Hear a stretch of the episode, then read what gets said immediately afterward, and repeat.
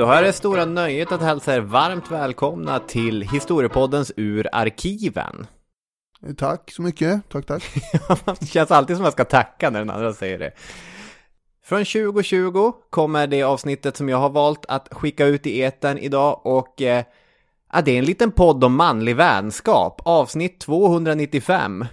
Ja, det här är ju en, den här hade jag nästan glömt. Du sa ju det någon gång att det här är avsnitt som vi har glömt bort. Ja. Och det här hade jag glömt bort. Nu är det plats för gör väl igen att, att gråta och kramas och skratta. Ja, det är en fantastisk scen här i alla fall när Magnus Brahe som gråter på ett mycket högljutt och spektakulärt sätt när eh, Karl XIV Johan har dött va? Ja, det är det. Det här är ett avsnitt som jag, jag tycker jättemycket om det här. Så att det är härligt att reprisera det så alla får en chans att må gott bland manliga kamrater. Älskade broder, härliga namn. Vadan kommer det att nu ett brev av dig, lagt i min hand, sprider en elektrisk rysning över hela min varelse. Att första anblicken av dina skriftdrag, liksom vore det en trollformel, bringa mig ur min fattning. Och att ditt sigill, liksom en brännspegel, smälter upp något av mitt inre. När skall nu denna lycka härnäst möta mig? Att få se dig åter i ögonen och höra din röst som nu blott ljuder för mig stundom i drömmen. Orden kommer från Adolf Törneros. Han är professor i latin och han skriver ett brev till sin gode vän Melker Falkenberg. Året är 1824 och det är inne att vara en riktigt, riktigt bra kompis. Det är ett klassiskt misstag att utgå från att ideal och normer är beständiga och sen applicera dem retroaktivt på en bred kategori. Så har alltid allmogen tänkt, så har alltid adeln gjort eller så har män alltid varit. De har varit tysta stenstoder till människor som sedan gubben Noaks tid insisterat på minst en och en halv meters personal space som bara får något gråtmilt i ansiktet när de tänker på solen som går ner över lapporten. Eller någon scen i Deer Hunter. I övrigt är de helt avskurna från sitt känsloliv. Men manlighet har såklart med tid och situation varit föränderligt. I detta avsnitt av Historiepodden ska vi bege oss till 1700 och det tidiga 1800-talet, där medel och överklassens män skröt över sin stora sensibilitet. Det här tog en mängd olika uttryck, inte minst i form av det som i efterhand har kallats för den manliga vänskapskulten, en nästan rituell dyrkan av vänskapen. Med mig har jag min älskade broder, mitt hjärtas fröjd, Daniel Hermansson. Och tillsammans så ska vi ge några exempel på vänskapskulten och ge oss på att försöka förklara och tolka detta fenomen. Och du lyssnare, vad härligt att du är med oss. Nu kör vi igång det här avsnittet.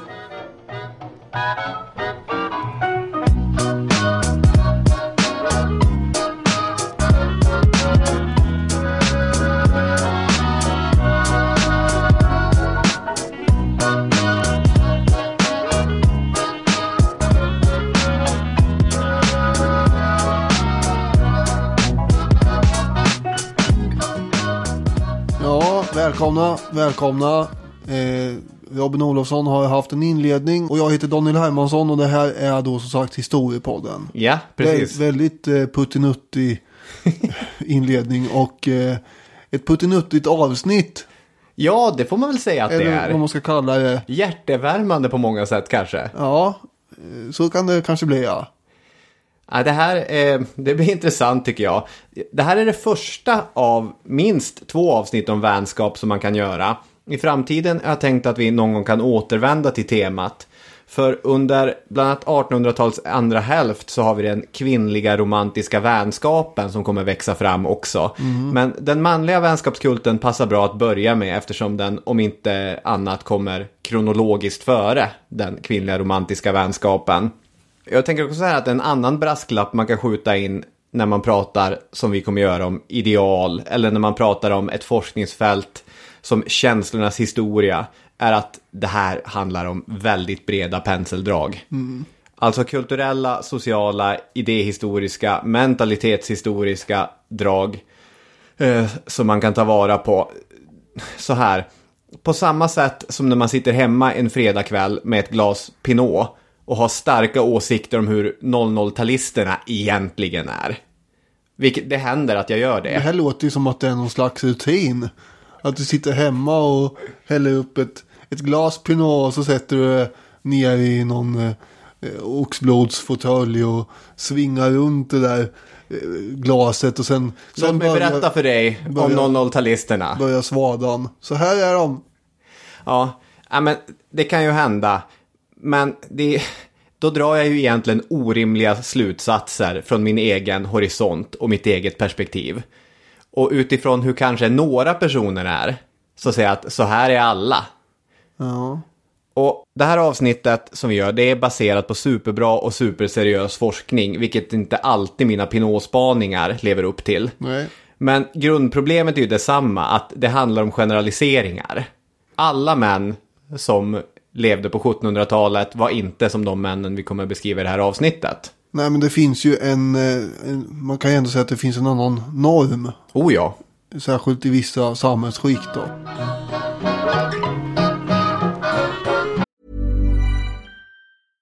Hiring for your small business? If you're not looking for professionals on LinkedIn, you're looking in the wrong place. That's like looking for your car keys in a fish tank.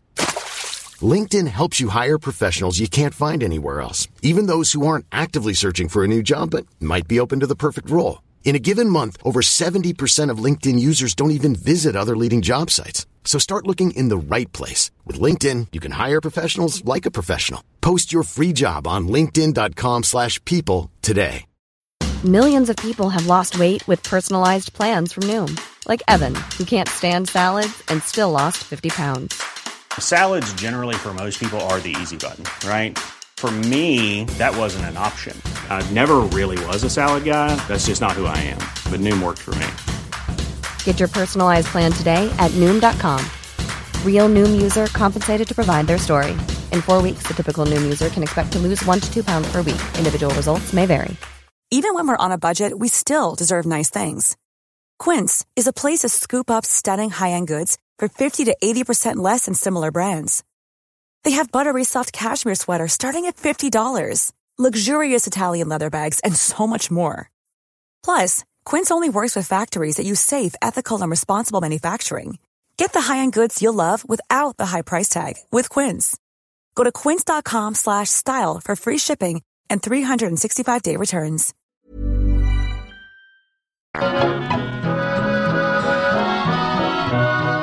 Nära vänskapsrelationer mellan män, det är ju ändå någonting som eftersträvas lite grann här generellt. Bland åtminstone, ja, vissa kretsar. När befinner vi oss nu? Ja men 1700-talet, Ja. det är framförallt 1700-tal vi pratar om här.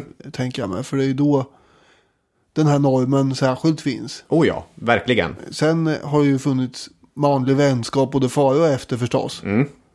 Men det är väl det som är grejen med det här avsnittet, att det är lite speciellt under 1700-talet. Ja, jag tänkte bara att om du började med en sån här generell spaning, manlig vänskap, Ja, är nej, eftersträvansvärt.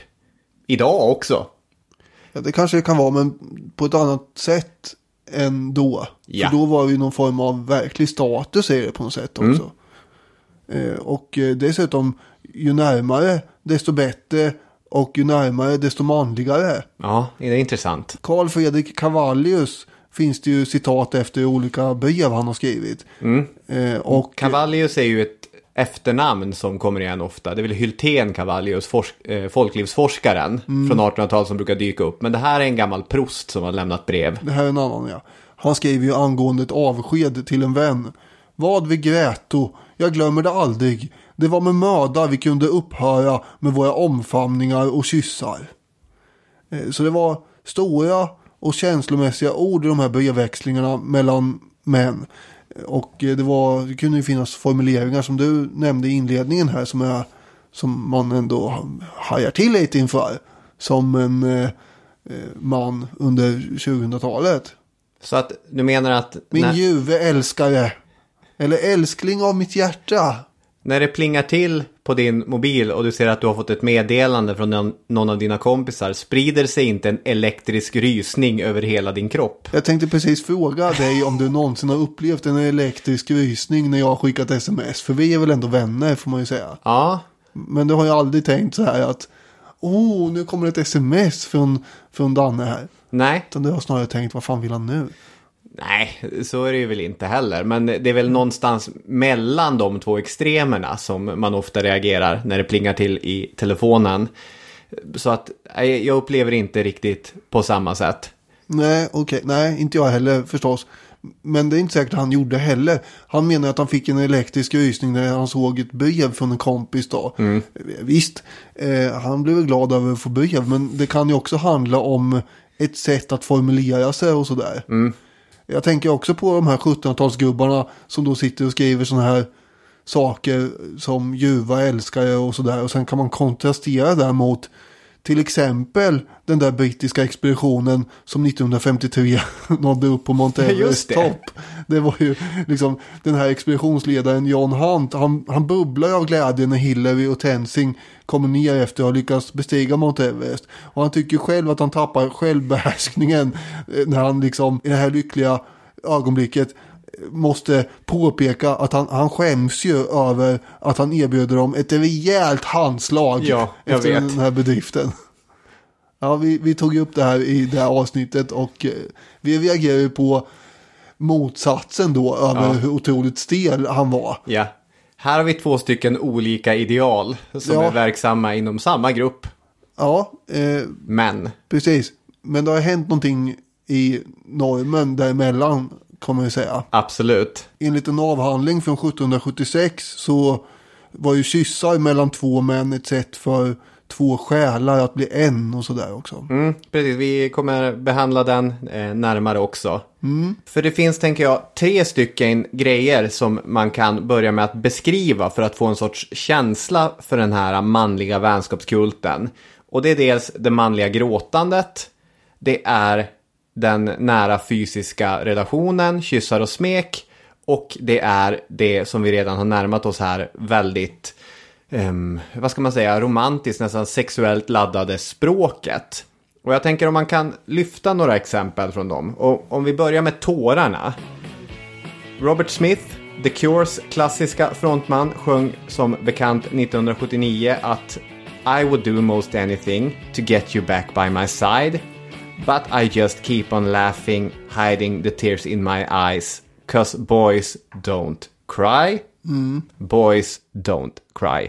Vilken rörande, nästan William Shatner-aktig recitation av mig där. Jag kände inte riktigt att jag hade sång i mig idag.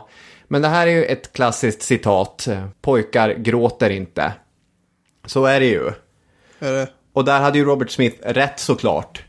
Om han inte pratade om perioden 1700-tal och tidigt 1800-tal. För då grät man. Herregud vad de grät. När Johan Gabriel Oxenstierna i Wien 1770 får besök från den gode vännen Samuel Tilas, då blir han överlycklig. Och de skvallrar och festar, skriver dikter som de läser upp för varandra. Men sen Tilas är bara där på besök, han ska vidare mot Konstantinopel. Och då bryter tårarna fram. Oj. Oxenstierna samlar alla sina dikter till Tilas, lägger dem i ett kuvert som han citat vattnar med tårar. Så att det är ju storslaget. Carl Fredrik Cavallius som du redan har, har nämnt när han tog eh, sitt avsked med Gustav Törnqvist. Han säger utöver vad vi grät som du sa att så länge skutan var på strömmen sprang han på landet hela fjädringsvägen och då vi snott omkring Slottsudden var hans viftande näsduk det sista jag såg i halvskymningen. Det ger en bild också. Jag kastade mig i kajutan och grät vemodets och saknadens tårar. Ja. Det är ju filmiskt. ja, det är det ju. Och det är lite överdrivet. Men samtidigt, man vet ju inte heller när man ska eh, träffas igen och det är svårt att hålla kontakt på den här tiden och en massa sådana saker.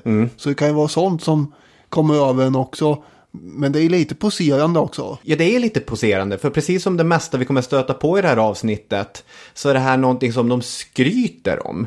I brev och i dagböcker och senare i självbiografier. Det här är absolut inte någonting skambelagt utan att han kastar sig i kajutan och gråter vemodets tårar. Det vill han visa upp inför omvärld, inför vänner, inför familj. Just det här med känslor överlag och just gråtande. Eh, tänkte jag att man kunde backa lite och kolla på i övrigt också. Våra allra största och bästa historiker har ju skrivit eh, några essäer kring det här. Ja, intressant. Dick Arvidsson har ju en i tankar om historia. Men eh, jag har ju jag har mest eh, tänkt att jag fokuserar på Peter Englund här. Som har skrivit en också i förflutenhetens landskap. Och eh, när man tänker på det här med tårar och sådär. Då tänker man ju att eh, nu för tiden att det är omanligt. Som den här The Cure hade sjungit om. Ja, Men eh, det, då, då missar man ju den här förvandlingen av synen på manlighet under andra hälften av 1800-talet. Innan det är ju något annat.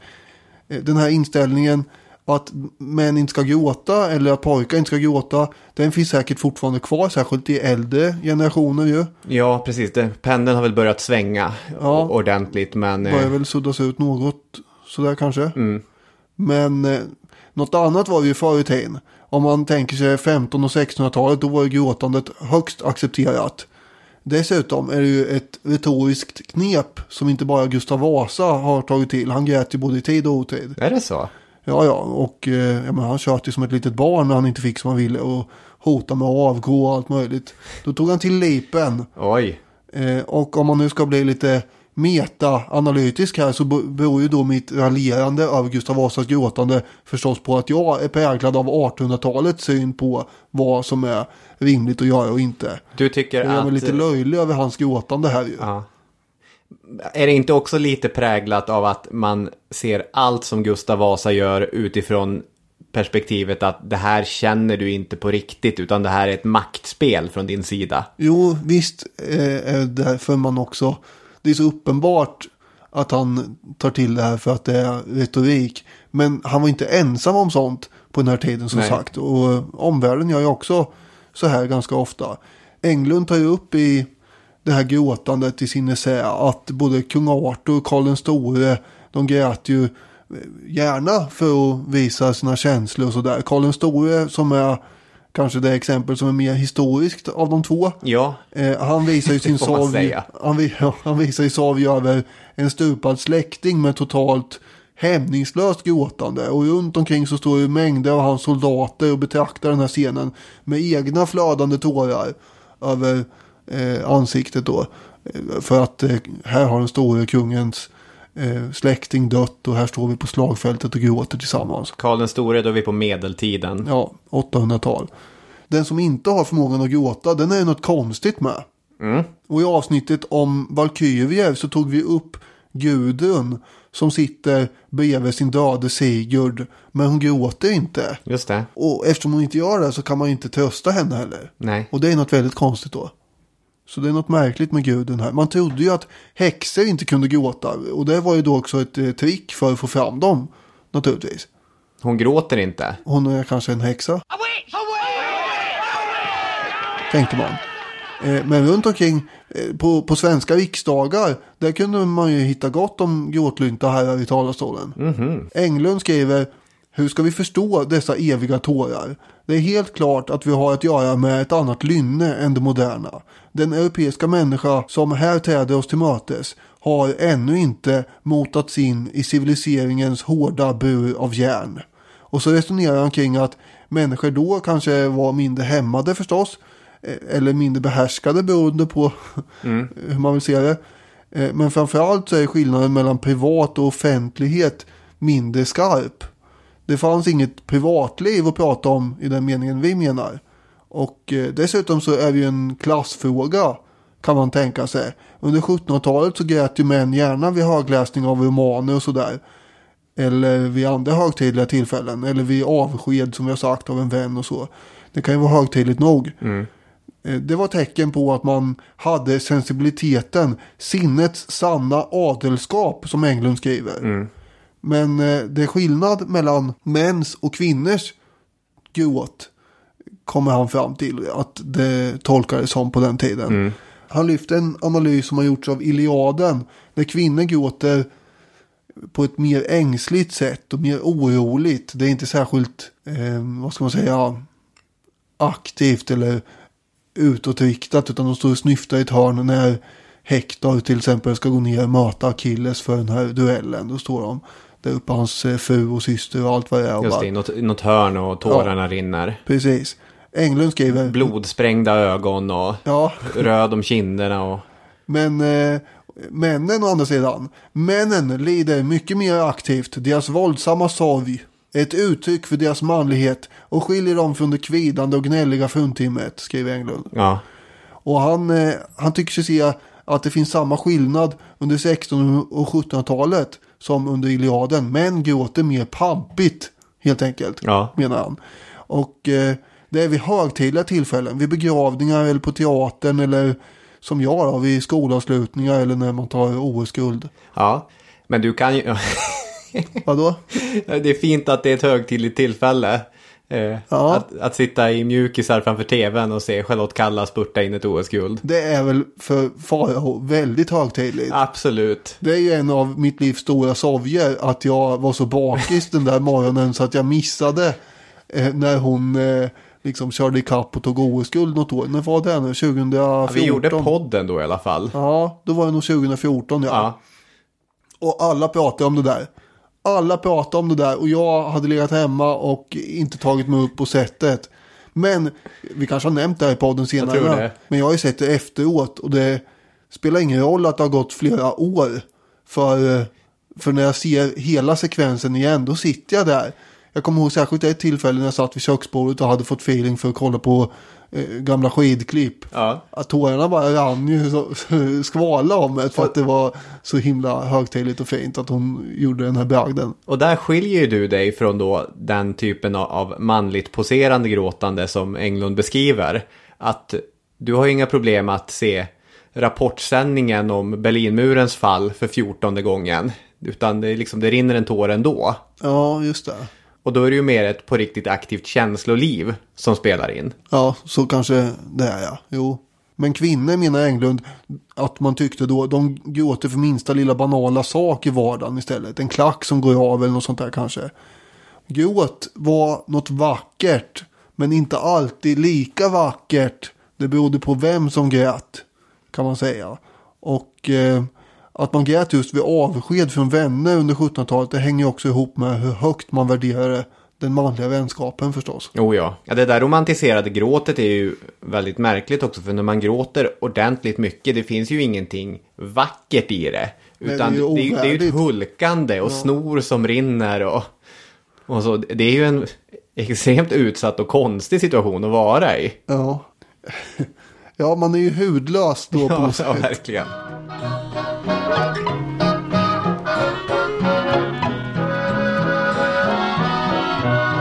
Om vi då lämnar gråten vidare, torkar tårarna och går vidare till fysisk beröring. För nästan ännu mer intressant än tårarna och kanske lite mer oväntat är den avslappnade relationen som 1700-talets män har till intim fysisk beröring. En källtext som alltid återkommer när det här diskuteras och som vi redan har lyft snabbt då är en historisk och filologisk avhandling om kyssar. Ursprungligen skriven av citat den lärde J.F. Hekelio. Det här är ursprungligen en latinsk skrift från 1770-talet som helt enkelt behandlar och diskuterar olika typer av kyssar. Han skriver i förordet att citat många, även väl lärda och hederliga män finnas, vilka hålla kyssar som de största vänskapstecknen och kärlerikaste bemötande. Samt citat själen infinner sig emellan de kyssandes kinder, lika invecklad i en med liljor beblandad purpurrodnad och präktig klädd drottning, vilken hos den andra avlägger sitt besök, varefter hon träder tillbaka till sitt rum. Slutcitat. Bra och blommigt språk, kanske något svårtolkat, får man säga. Men poängen som Hekelio gör i skriften är att genom att kyssa varandra på munnen får, som du var inne på, två själar möjligheten att mötas. Men det här är då någonting som egentligen bara är lämpligt mellan två män. Historikern Ina Lindblom har skrivit en avhandling om redaktören Carl Kristoffer eh, Görvel, där hon har granskat hans enorma brevsamling genom linsen för den manliga vänskapskulten. Känslans patriark heter avhandlingen.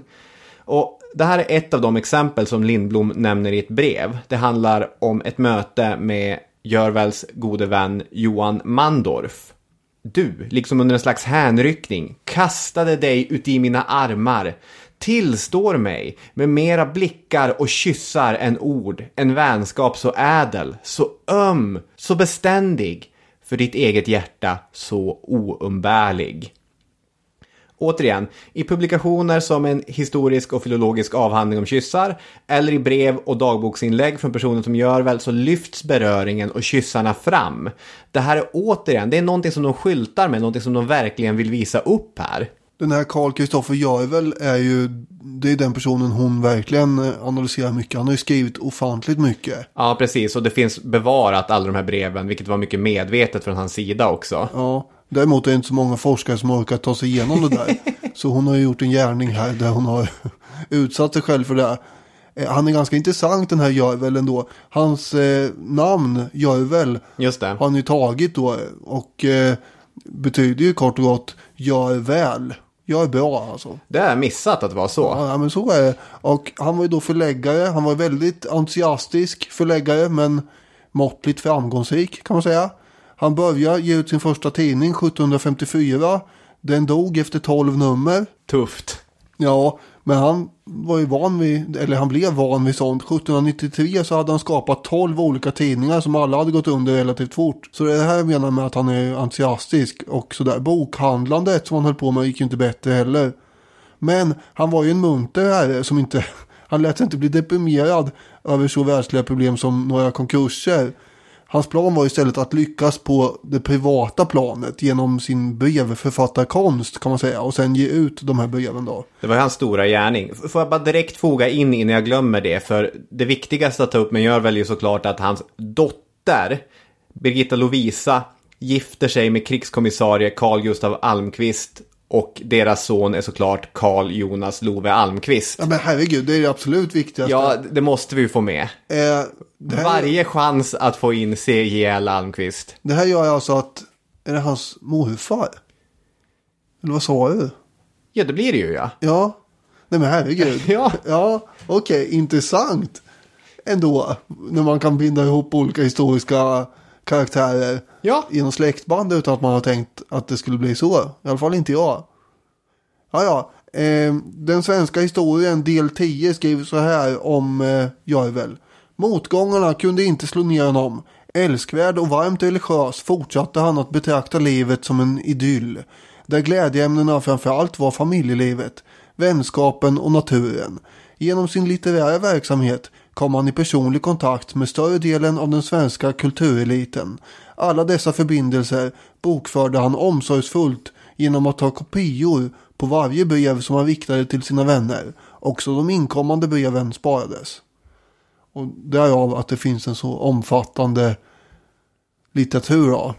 Eller textsamling i alla fall. Han lät renskriva breven också. Ja, han höll på mycket med det. Så att där jobbade han på hårt. Han eh, har ju under 1800-talet betraktats som mer eller mindre en pajas ju. Ja, det har han. Och eh, som alldeles för feminin och löjlig. Och kanske beror det också på att han, han uppfostrades av två fastrar. Vilket eh, alla som kommenterar honom under 1800-talet ständigt påpekar. Mm. Och det är väl också det här att han är ganska långt ut på spektrat när det gäller den manliga vänskapskulten. Att han är ett, ett så tydligt exempel på det. Ja. Att det ganska snabbt blir lite fånigt, kan man tycka. På 1800-talet börjar man ju tycka det åtminstone. Mm, precis. Han hade ju också väldigt, det, det går ju ut på den här vänskapskulturen att man egentligen ska vara jämlik. Mm, och det är därför som bara liksom de här själsliga kyssarna mellan män egentligen är att för, föredra. Vi kommer ju prata kanske mer om det här alldeles strax, men en man och en kvinna, deras själar är ju inte på samma nivå. Men i Jarvels fall så är det ju så att han har ju väldigt många eh, unga eh, manliga vänner. Mm. Och därmed så blir det ju ändå inte helt jämlikt. Om Nej. man ska vara ärlig. Eftersom han blir ju nästan mer som en mentor. Och ger dem råd och så vidare. Sen blir han lite putt när de inte lyder råden och så. Som man ju blir. När folk inte Ja, lyssnar på en. Han förväntar sig ju mer eller mindre att de ska göra som han säger hela Oh tiden. ja, verkligen.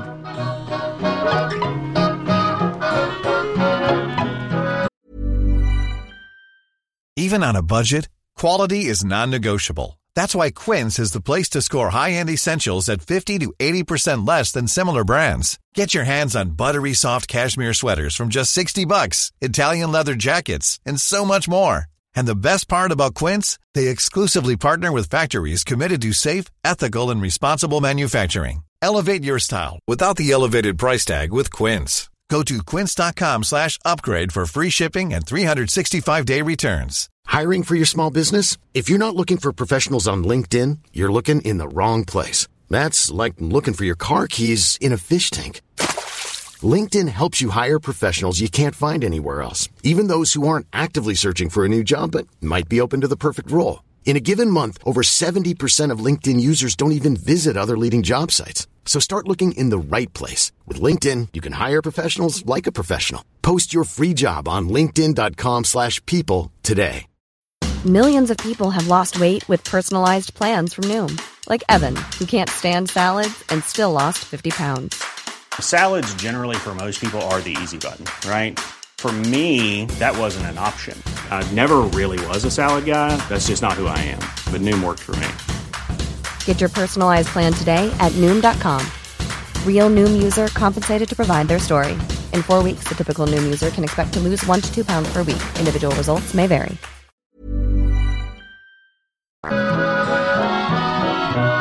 Den tredje aspekten har redan skinit igenom i de exempel som vi har dragit, så vi behöver inte fördjupa oss i det, men man kan ändå nämna att vi ser ett språkbruk för att beskriva vänskapsrelationer som känns väldigt främmande i moderna ögon och öron. I inledningen läser jag citatet “Ett brev av dig lagt i min hand sprider en elektrisk rysning över hela min varelse”. Det är ett språkbruk med vad vi skulle kunna tolka som en underliggande sexuell laddning. Cavallius igen skriver om sin vän Gustav Törnqvist. Det var med möda vi kunde upphöra med våra omfattningar och kyssar.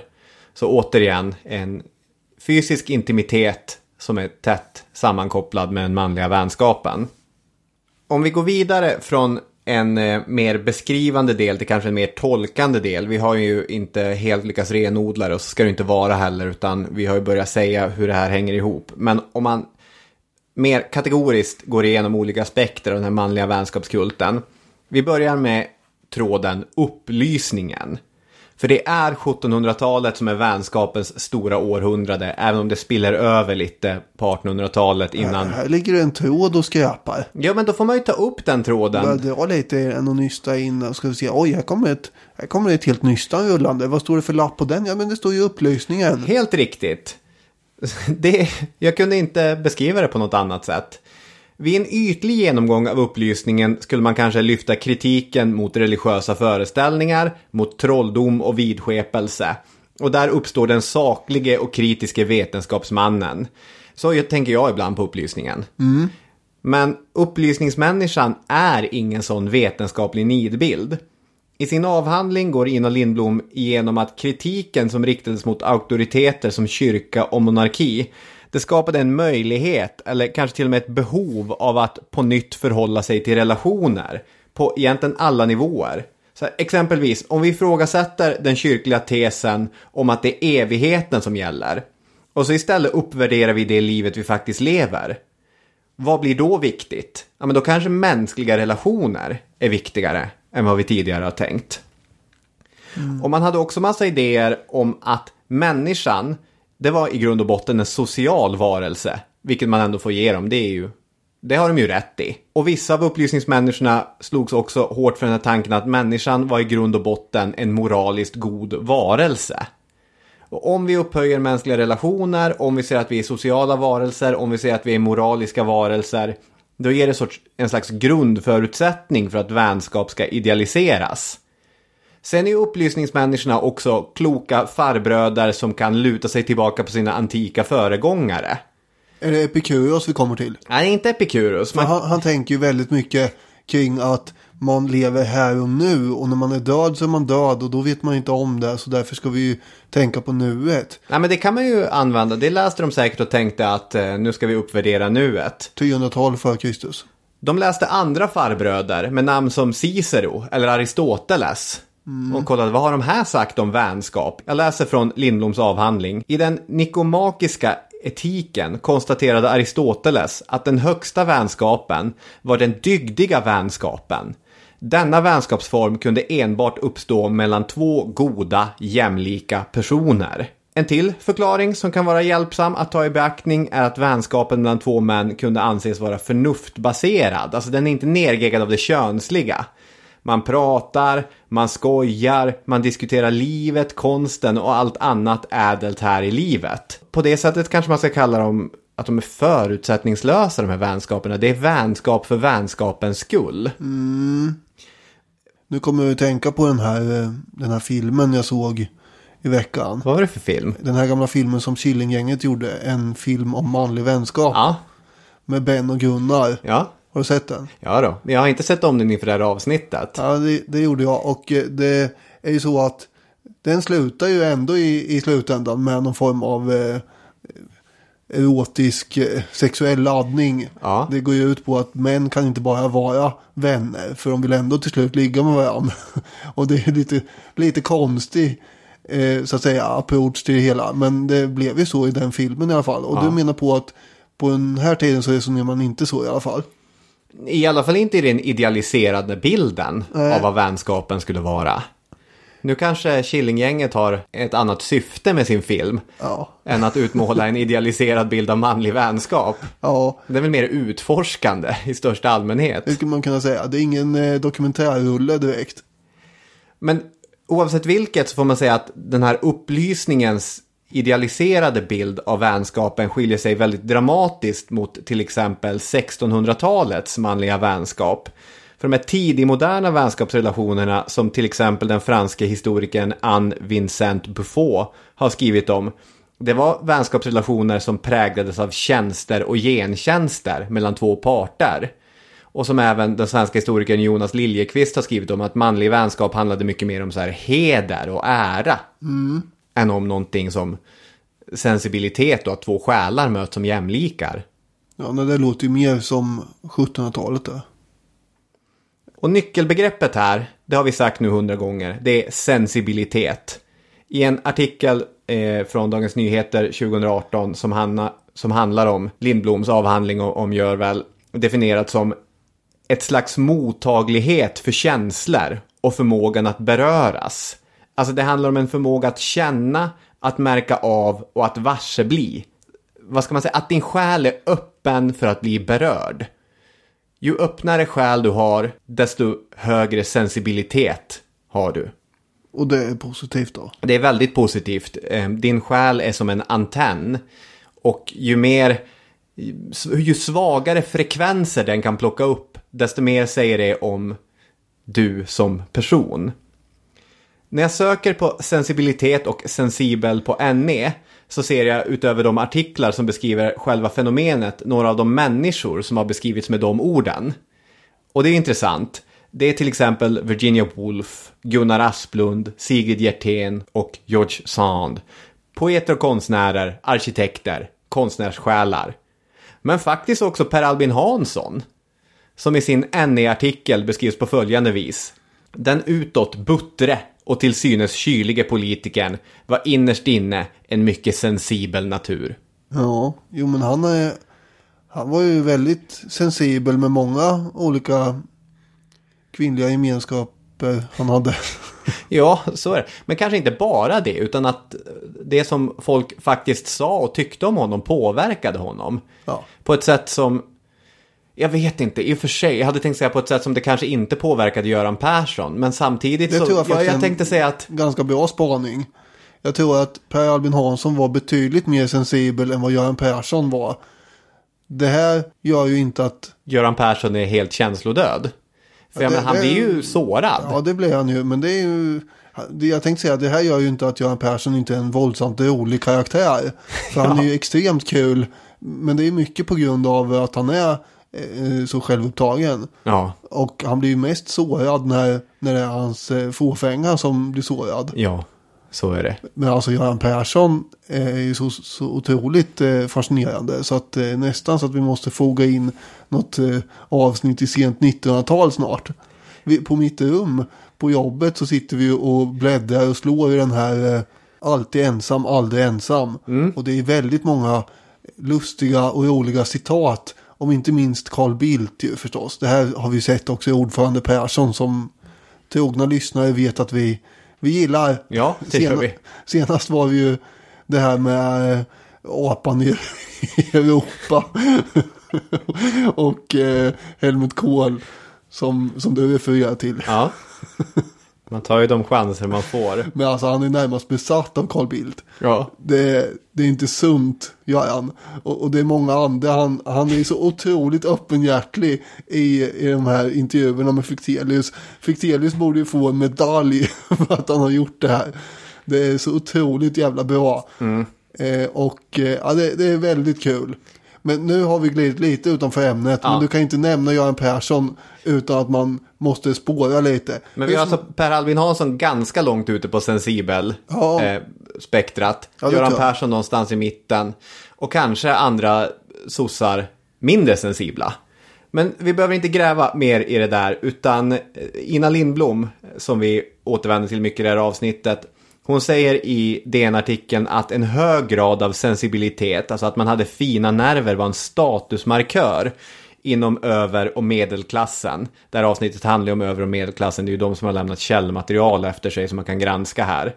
Även i de exempel när det faktiskt gick för långt och slog över i sjukdom som hypokondri eller hysteri, då kunde det också anses som fint. Wow, vilka nerver han har. Han kan inte hantera det där. Han är världens hypokondriker. Vilken sensibilitet. Verkligen imponerande. Och det är intressant när man tänker på den här idén om sensibilitet.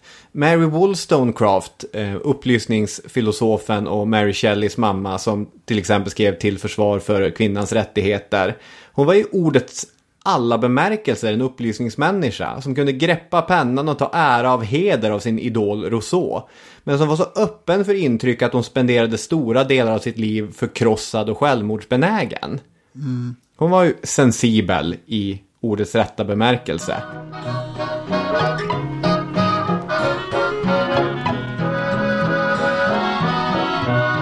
Men när vi lämnar upplysningen och istället går in på den kulturyttring som följer, nämligen romantiken, då händer ju något intressant också.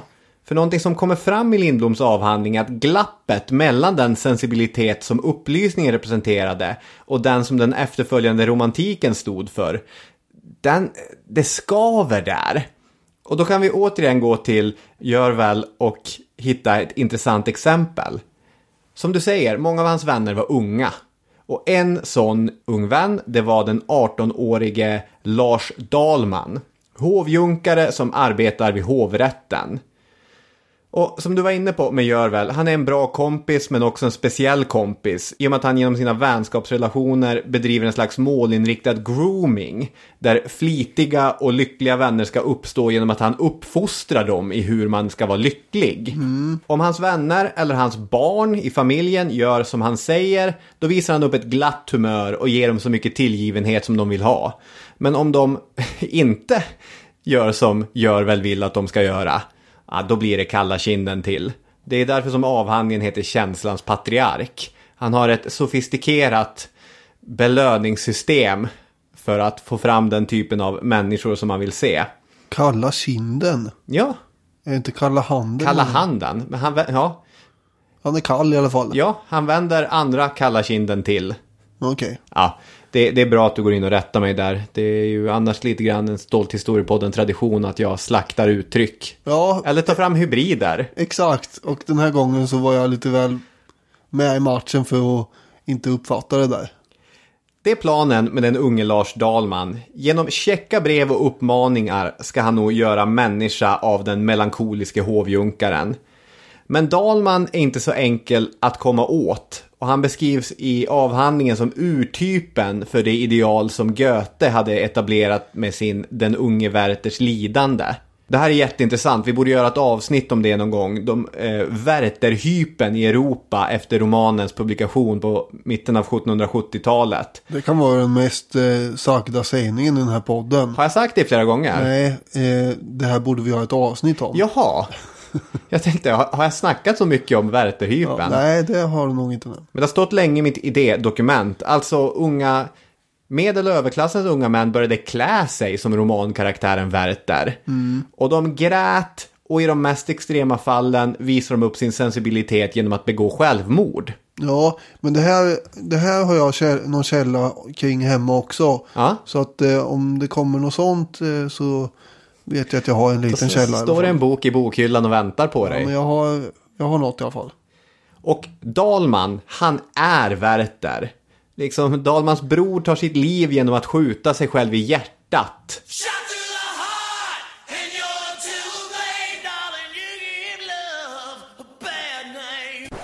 Han går in i den här tidstypiska Stormot Drang-rollen. Han är emo, han är got, han är så klyschig, han är så nedstämd, han är så melankolisk, han är så kolerisk. Och gör väl, han orkar ju inte mer. Nej, för han är ju, han är ju en glad herre. Ja, och då kommer han med sina förmaningar. Åh, visa upp ett gott humör. Ta en promenad. Ha det lite härligt. Men det biter inte. Dalman skriver i ett brev. Skulle jag framställa mitt inre i sitt hela så bedrövade jag kanske min lycksalige mentor som ej sympatiserar med att vara ledsen ibland. Och när Görvel inte kan omvända Dalman, då försöker han istället frysa ut honom ur bekantskapskretsen. Nästan genom att ghosta honom faktiskt. Alltså han, han, han slutar skriva brev, men de har lite för många gemensamma bekanta för att han helt ska kunna skära bort honom. Det där är jobbigt. Han säger att han undviker honom så mycket som han anständigtvis kan. Det är ett generationsglapp det här mellan två sensibla generationer. Ja, det får man ju säga. Vidare, när vi då ställs inför de här männen som gråter, som skriver smäktande brev och som kysser och smeker varandra. Hur ska vi då tänka? För det finns ett antal olika tolkningsmodeller som man får prata sig igenom. Och den första aspekten vi måste behandla är huruvida man ska tolka denna vänskapskult som ett uttryck för homosexualitet eller inte. Och där har vi två stycken förklaringsmodeller där den ena säger att ja, det ska vi göra. Och den andra säger att nej, nej, Det ska vi inte göra. det ska vi inte göra. Vi kan börja med några historiker som menar att detta trots allt rör sig om erotiska relationer, att man kan läsa in eh, homosexuella tendenser i det hela. Lindblom refererar bland annat den amerikanska litteraturvetaren George Haggerty och den tyska akademiska mångsysslen Susanne Kord.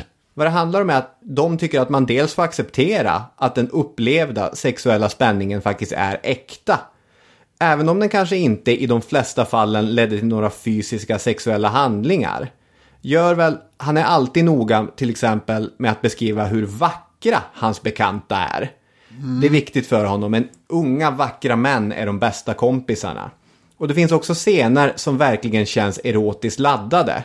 Till exempel när han beskriver ett möte med bästa kompisen Johan Mandorf. Här något förkortat av mig. Han bor norr vid Klara. Jag kom dit. Värdinnan släppte mig oanmäld in. Jag fann honom redan lagad i håret, men ännu ute i puderskjortan, sittande på sin utbredda snygga säng, läsande uti de tryckta nyheter som han fått av mig till låns. Hela denna vackra och liksom pastorala scen upplystes av morgonsolen och gav ett dubbelt behag åt hans rodnad, hans bestörtning, hans glädje, hans tacksamhet. Att se mig och sig, ja, det roade mig innerligen. Han kommer in och finner sin kompis halvt avklädd i morgonsolens ljus. Tycker att det är en, det är en pastoral scen. Och han beskriver rodnad. Det känns lite laddat. Det gör ju det. det får man väl ändå tillstå. Lite laddat känns det. Och det finns en tradition, bland annat inom historievetenskapen, att missa eller än värre aktivt osynliggöra samkönad kärlek. En hel generation av Selma Lagerlöf-tyckare var oförmögna att se det som är helt uppenbart för en modern läsare. Att hon i alla fall i en av sina relationer levde i en tydlig lesbisk relation. Att då skjuta ner kärleksförklaringar genom att säga saker som det är en tid av överdrivet sentimentalt språk menar de här äh, litteraturvetarna och historikerna, det är att fortsatt avsexualisera och osynliggöra en grupp som inte haft det lätt i många epoker av historien. Och så här, det är inte en argumentation utan poänger. Det är hjärtekrossande att läsa en person som den svenska filosofen Pontus Wikner när han skriver citat Kanske borde jag bedja, förvandla mig till en kvinnoälskare, barmhärtige fader, Det kan jag icke. Säg mig lika gärna att jag bör bedja att bli en kvinna, och det kan jag ej. Nu är Wikner senare, mitten och slutet av 1800-talet. Men om det inte vore för att han senare i livet skriver skrifter som försvarar vad vi idag skulle kalla homosexuell kärlek, så skulle man kunna tolka hans svärmiska vänskapskärlek från mitten av seklet som sena exempel på manlig vänskapskult, vilket de inte är. Så det finns argument för att tolka de här vänskapsrelationerna som att de faktiskt hade en sexuell eller erotisk laddning. Men Men, det finns trots allt ett antal historiker som lyfter fram ganska övertygande argument för att det i de flesta av de här fallen nog trots allt handlar om saker som är specifika för den här tiden, de här omständigheterna, de här relationerna. homosexualitet som sagt är ju inte ett begrepp som fanns då. Nej, så är det. Vilket är värt att komma ihåg. Men eh, innebörden av det var ju totalt tabu. Och ingenting som någon ville skylta med. Nej, alltså det såg som onaturligt och oacceptabelt. Och liksom under 1608 till 1734 så är det ett lagbrott i Sverige som kunde få dödsstraff som påföljd. Från 1864 är det återigen straffbart att det inte var det i perioden mellan var för att man tyckte att den bästa politiska lösningen var att försöka tiga ihjäl det här. Ja, just det. Så att de här männen som skriver de här breven, som lämnar de här dagböckerna till sin släkt, det var inga personer som var i, i bräschen för en slags kamp för samkönad kärlek. Nej, om det inte hade varit socialt accepterat och fullt vanligt att skriva så här som Görvel gjorde till sina vänner. Då hade han ju inte gjort det, Nej, antar jag. nej, Han, eh, han är en del av strukturen. ja, nej, o ja. Och det där är ju en risk att tolka relationerna genom moderna ögon kan leda till felslut. För okej, vissa menar att det finns en risk att underdriva det sentimentala språkbruket. Men det är ändå så att tiden präglas av ett sentimentalt språkbruk och de här språkliga klichéerna, mitt hjärtas älskling och så vidare. Eller jag grät tusen tårar, eller Görvel skriver till sin dotter att han längtar efter att kyssa henne tusen gånger. Det klingar annorlunda i våra öron än vad det gjorde i deras öron. Gustav III är väl den som har fått eh, ta rätt mycket. eh, Alltså, han har ju ofta då betraktats som just homosexuell eh, på grund av det här språkbruket och sättet att vara man på 1700-talet. I efterhand så har han ju tolkats som mer eller mindre fjollig av eh, mer råbarkade 1800-talshistoriker Just det. och 1900-tal. Ja, nej, absolut. Det är ett jättebra exempel. Okej, så att mot bakgrund av det vi har sagt nu blir det faktum att de så öppet och ärligt skryter om sin nära vänskap med andra män. Det gör att det är svårt att schablontolka det här som uttryck för samkönat begär. De flesta männen såg inte relationerna på det sättet. Eller, ännu mer försiktigt uttryckt, det är faktiskt omöjligt att veta hur de här människorna egentligen kände inför varandra. De kanske till och med kände känslor som de omöjligt kunde förstå eller kategorisera. Men utan en kontextualisering av orden och handlingarna så är det enormt yxiga slutsatser som man slutligen landar i. Det var väl försiktigt uttryckt. Ja, det, det var det ju. Ja, det var extremt försiktigt. Här, här får du... Här får du det var inte så att du riskerar att få några regndroppar på den där hakan. Nej, För den har ju inte stuckit ut så långt. nej, så är det. Men, men, men så jobbar vi ju ibland här när det är osäkra vatten. Ja. Man brukar beskriva den här vänskapen som homosocial. Det är ett ord som forskarna älskar. Det betyder att vänskap eh, ägde rum inom samkönade kretsar. Alltså tjejer var kompis med tjejer och killar var kompis med killar. Ja, det var svårt att få till en kompisrelation man-kvinna här. Nej, precis. Jag tänker på USAs vicepresident Mike Pence. Som har sagt, Jaha, det här ska bli intressant. ja men han vill ju inte vara ensam i ett rum med en kvinna som inte är hans fru. Nej. Vadå ja? Ja, men det, han tycker inte att det känns bekvämt. Så då kan vi ju tänka oss den här bilden. Det är någon sorts toppmöte och Mike Pence har, har gått lite fel. Och så står han ensam, han kommer in i ett rum där Angela Merkel står. Ja, hela friden gör man då. Ja, då får, han måste ju springa ut ur rummet för han blir ju direkt enormt obekväm. Vad ska folk säga? Tacklar undan Finlands statsminister på vägen som också är kvinna. Ja, Så är det. Herregud, här inne kan vi inte vara. Nej, så är det. Sen kommer Solberg från Norge där. Och då dyker han ju in bakom något bord. It's a world gone mad! Skriker han. Men Mike Pence kanske inte är typisk för gängse syn 2020. Utan många menar nog att det kan uppstå vänskapsrelationer även över könsgränserna. Många menar, menar det, säger du. Ja, nu är det hakan ute och fladdrar igen. Men i alla fall, den homosociala vänskapen, det utgår från tanken på att kvinnor helt enkelt inte är lika mycket människa som en man är. Vi har en tid som fortfarande präglas av enkönstänkande, även om det är en tid av, av förändring. Man och kvinna är på många sätt samma sak, men mannen är den förfinade i kroppslig, i andlig eh, bemärkelse. Bättre på alla sätt och vis. Kvinnan är lite sämre. Sen är det ganska intressant när man läser olika tyckare och filosofer. Det fanns en slags debatt om huruvida kvinnor kunde ha ädla vänskaper med andra kvinnor. Eller om de är så halvbakade att den där umgänget som de har med varandra, det är inte mycket att skryta över. Så där har vi en sorts vetenskaplig tvistefråga. Är det bara män som kan ha ädel vänskap eller kan även kvinnor ha det mellan varandra? Jag undrar vad metoden hade varit för att granska det här. Ja, Jag tror det var mycket magkänsla som filosoferna satt och utgick från. det är väl ofta ganska mycket magkänsla generellt. När filosofer tänker någonting.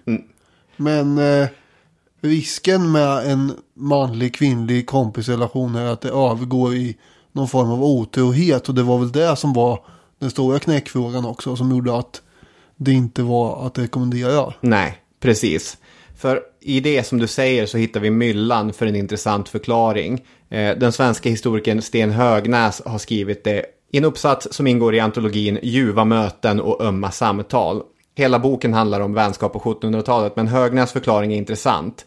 För han säger så här att passion, eh, det var en för opolitlig kraft för att få styra någonting som var så viktigt som relationer mellan män och kvinnor, framförallt äktenskap då. Alltså att låta passion regera fritt inom vänskap, det var inga problem. För att om eh, du blir passionerat vänskapsförälskad i en ny manlig kollega och ni skriver brev till varandra och ni håller hand och allt det här. Sen blir ni ovänner och går skilda vägar.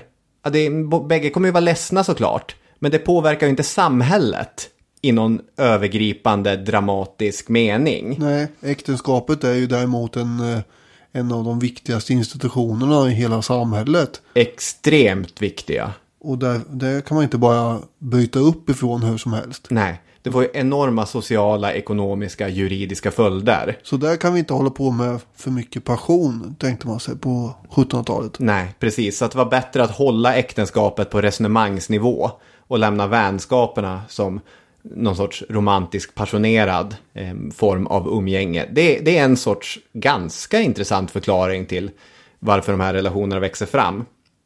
Vänskapen som en ventil för att släppa på sådana drivkrafter.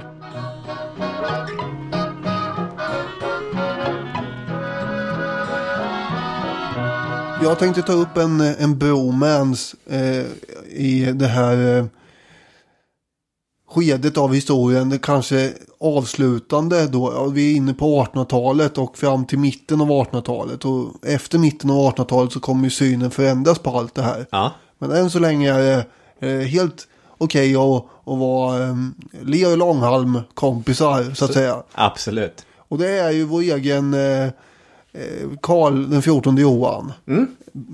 Bernadottes eh, grundare och Ja. allt det där. Och hans kompis Magnus Brahe. Brahe, han bodde ju på slottet. Han hade tio rum själv där och gick runt och slängde morgonrockar omkring sig och spatserade. Ja, det är ordentligt med utrymme. Ja, han, hade, han behövde inte trängas där inte. Han var alltid uppe eh, först och eh, var väl den som gick och la sig sist också på slottet. Det var bra. Han var singel och eh, arbetsnarkoman kan man säga. Och det här passar ju kungen perfekt. Eh, Brahe, han, han var väl förmodligen den första som kungen träffade när han väl har kravlat sig upp ur sängen. Han gillar ju inte att gå upp ur sängen. Ja, just det.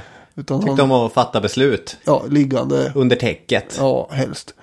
Och Brahe var ju också den sista som kungen såg innan han eh, eh, somnade förmodligen. För eh, Brahe satt väl där och, och sp- språkade med kungen i, i sängen också. Släckte ljuset sen. Ja, Så, Sov gott nu, går ers jag härifrån. Ja. Eh, och eh, därför har ju det här kallats då också för sängkammarreglementet och sånt där. Just det. Men det har också kallats för Brahe-väldet eftersom alla som ville träffa kungen var tvungna att gå igenom Brahe först. Enligt tidningarna så kallas det för Brahe-väldet och det var de som kom på det här givetvis. Just det.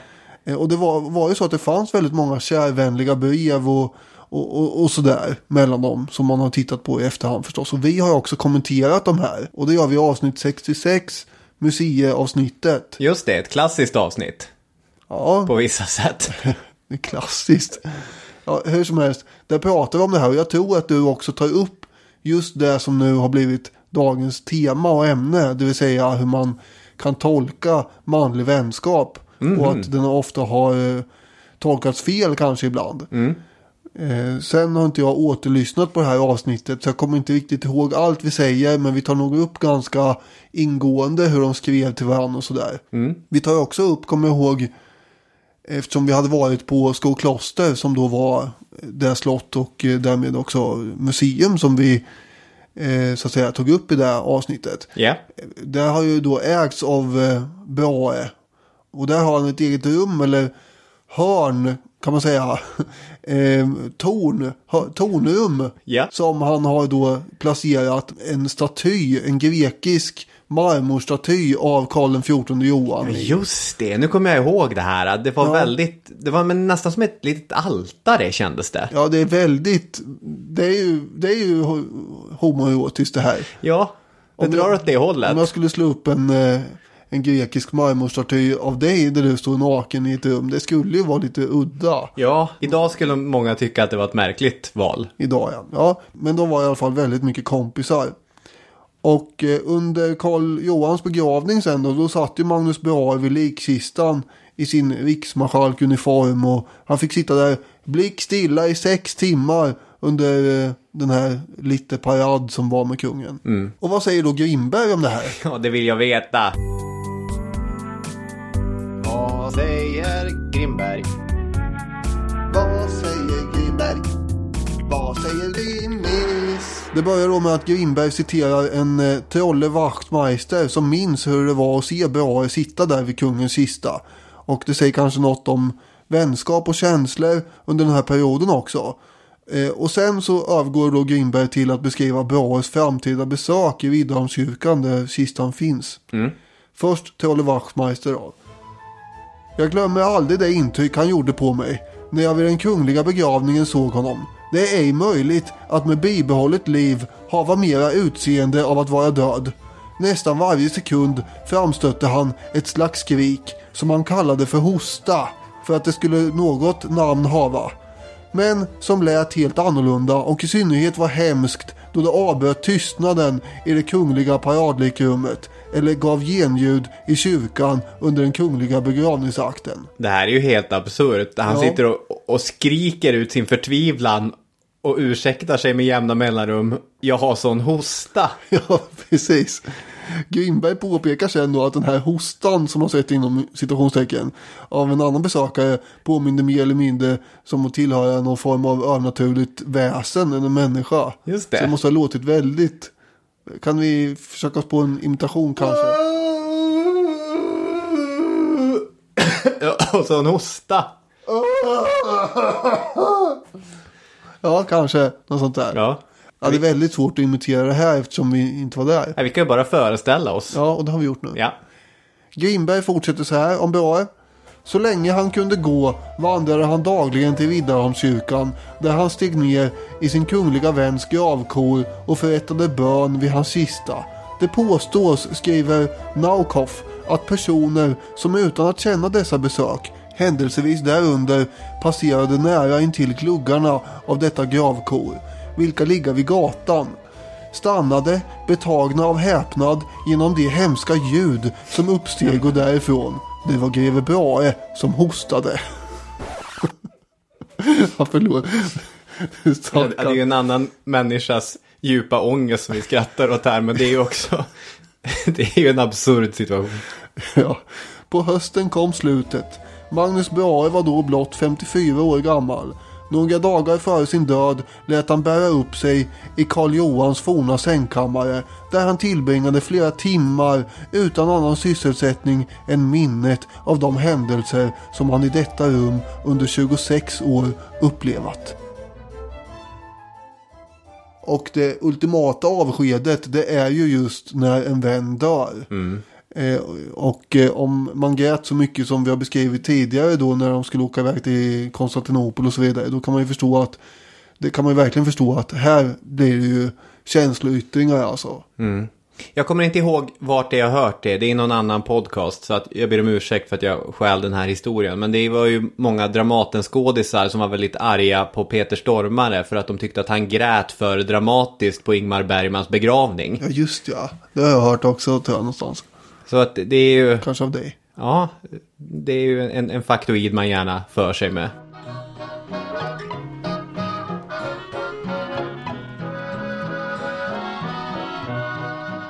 Sen har vi då din favoritepok, eller vad man ska säga, slutet av 1800-talet. Ja. Ja, jag gillar den förstås också. Alla epoker är ju bra epoker, men slutet av 1800-talet är ju starkt. Den är stark faktiskt. Och vad man då tycker är att man inte ska ha så starka känslor däremot. Nej. Eh, känslosamhet börjar förknippas mer och mer med kvinnor. Uppfattningen är att de har sämre självbehärskning nu. Det nya manliga idealet det är ju att vara eh, kontrollerad. Och därmed så försvinner ju förstås också tårarna från alla möjliga brev och dagböcker. Att gråta blir ett svaghetstecken. Och eftersom man har buntat ihop eh, det här gråteriet med känslosamhet och sådär så blir alla känslor också eh, det blir kvinnlighet i det. Man ska inte visa så mycket känslor helt enkelt som man. Det är omanligt i så fall. Synen på skillnaden mellan män och kvinnor ökar ju också generellt. De blir nästan varandras motsatser.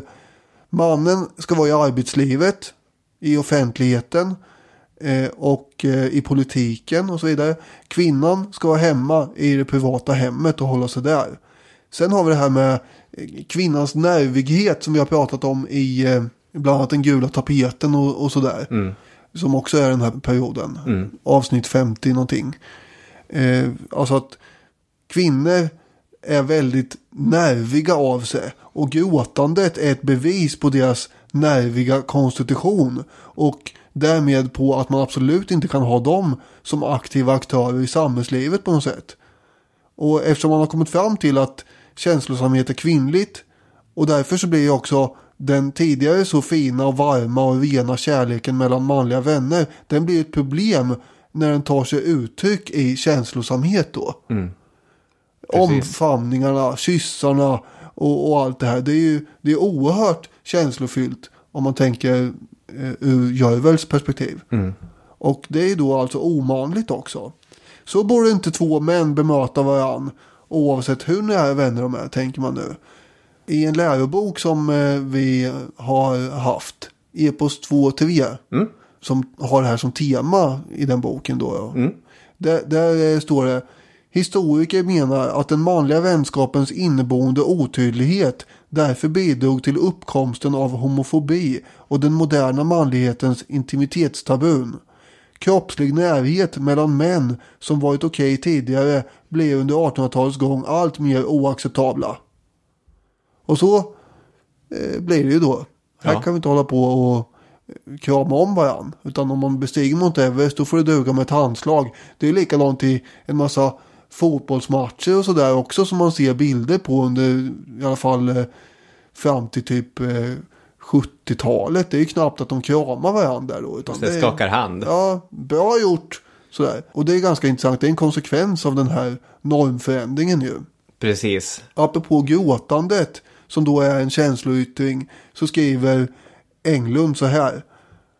Detta var den viktorianska epoken och den nya tidens man, den prydlige borgaren, är helt sprängfylld av sucksamma griller om återhållsamhet och sträng självkontroll.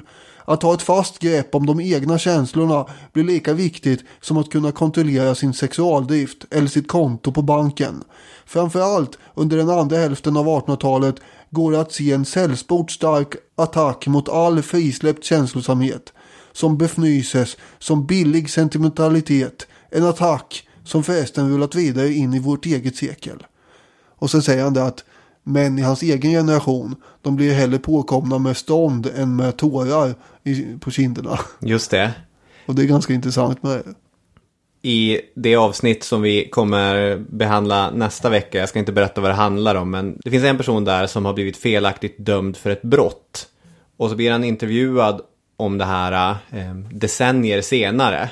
Och till sist efter många långa intervjuer så för han händerna för sina ögon och så gråter han lite för sig själv och så sen måste han be många gånger om ursäkt för hur han har betett sig mot journalisten som kommer och intervjuar honom. Ja, det är ju sorgligt på något sätt. Ja, verkligen. Det är extremt ledsamt. Jag tänkte bara knyta an till precis det du säger och, och bara lägga på kanske en liten eh, teoretisk bakgrund mot det också. För precis... Bra på twisser. Ja, men... är jag så det, torr? Nej, nej, det är inte. jättebra Robin. Gör det. Det behövs också. det, det du har beskrivit på ett jättebra sätt är ju den här övergången från enkönsmodellen som jag var inne på tidigare med Yvonne Hirdmans ord. Lilla A och stora A. Mannen är stora A, den liksom em, hela varelsen. Kvinnan är, är lilla A, en mindre förfinad variant av samma sak. Men under mitten av 1800-talet och framåt sekelskiftet så sker ju förskjutningen till tvåkönsmodellen. Mannen som A, kvinnan som B. Återigen med, med Hirdmans terminologi att man är varandras motsatser. Och om mannen och kvinnan inte är två olika förfinade varianter av samma sak, utan i själva verket två helt olika varelser. Om mannen är från Mars och kvinnan är från Venus, om han är stora A och hon är stora B, om skillnaden mellan det manliga och det kvinnliga är lika stor som mellan det fasta och det flytande, som en bok om uppfostring från 1862 gör gällande, ja då kan inte gärna män hålla på med samma saker som av naturen ligger närmre kvinnan. Man kan inte gråta. Ytterligare en sak att hålla i åtanke är att vi under denna period går in i en fas då i alla fall idealet om kärleksäktenskap i motsats till resonemangsäktenskap kommer att bli på mode. Och då går det att spekulera kring i vilken utsträckning det påverkade den manliga vänskapskulten, att den fick konkurrens av äktenskap Ja, som också var romantiskt Det, betingade. det läste jag något om i alla de här källorna du gav mig. Eh, Så så är det ju att eh, det, det blir ju mer norm också att äktenskapet ska innehålla kärlek här. Och eh, det finns ju ganska många som också börjar gifta sig med varandra av kärleksskäl. Till skillnad från förr. Och om man då kan finna kärlek i eh, den, eh, inom äktenskapet och bunta ihop det med den här könsliga eh, så att säga drivkraften som, som tidigare varit så förkastad och, och, och ful. Då blir det inte mycket kvar till något annat. Då, då kan man ju få allt i ett så att säga istället. Mm, precis. Och till syvende och sist så slås jag alltid av att, att djupdyka i ett fält som det här, det är en påminnelse om hur flyktiga och föränderliga både ideal och normer är. Vilket trots allt är, det är väl värt att tänka på ibland. Ja, allting är föränderligt. Så är det. Och då egentligen så borde vi väl avsluta den här inspelningen med en eh, rekorderlig handskakning eller en eh, kärleksfull omfamning. Men det är trots allt coronatider. Ja. Så vi kanske bara säger tack så mycket Tack så mycket. för att eh, ni har lyssnat och för att du kom hit och spelade in podd med mig Daniel Hermansson. Eh, vi hörs igen nästa vecka. Ha en bra vecka. Hej! Hej hej.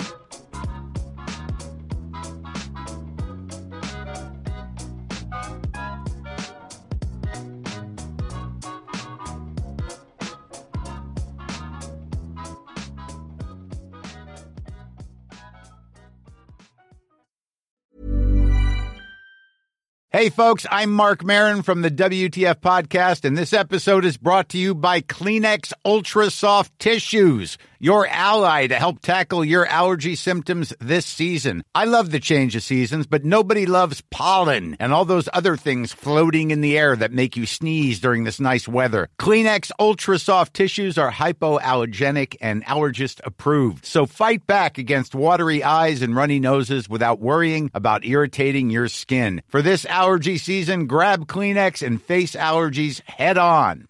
Planning for your next trip? Elevate your travel style with Quince. Quince has all the jet setting essentials you'll want for your next getaway, like European linen, premium luggage options, buttery soft Italian leather bags, and so much more. And is all priced at 50 to 80% less than similar brands. Plus, Quince only works with factories that use safe and ethical manufacturing practices. Pack your bags with high-quality essentials you'll be wearing for vacations to come with Quince. Go to quince.com slash pack for free shipping and 365-day returns.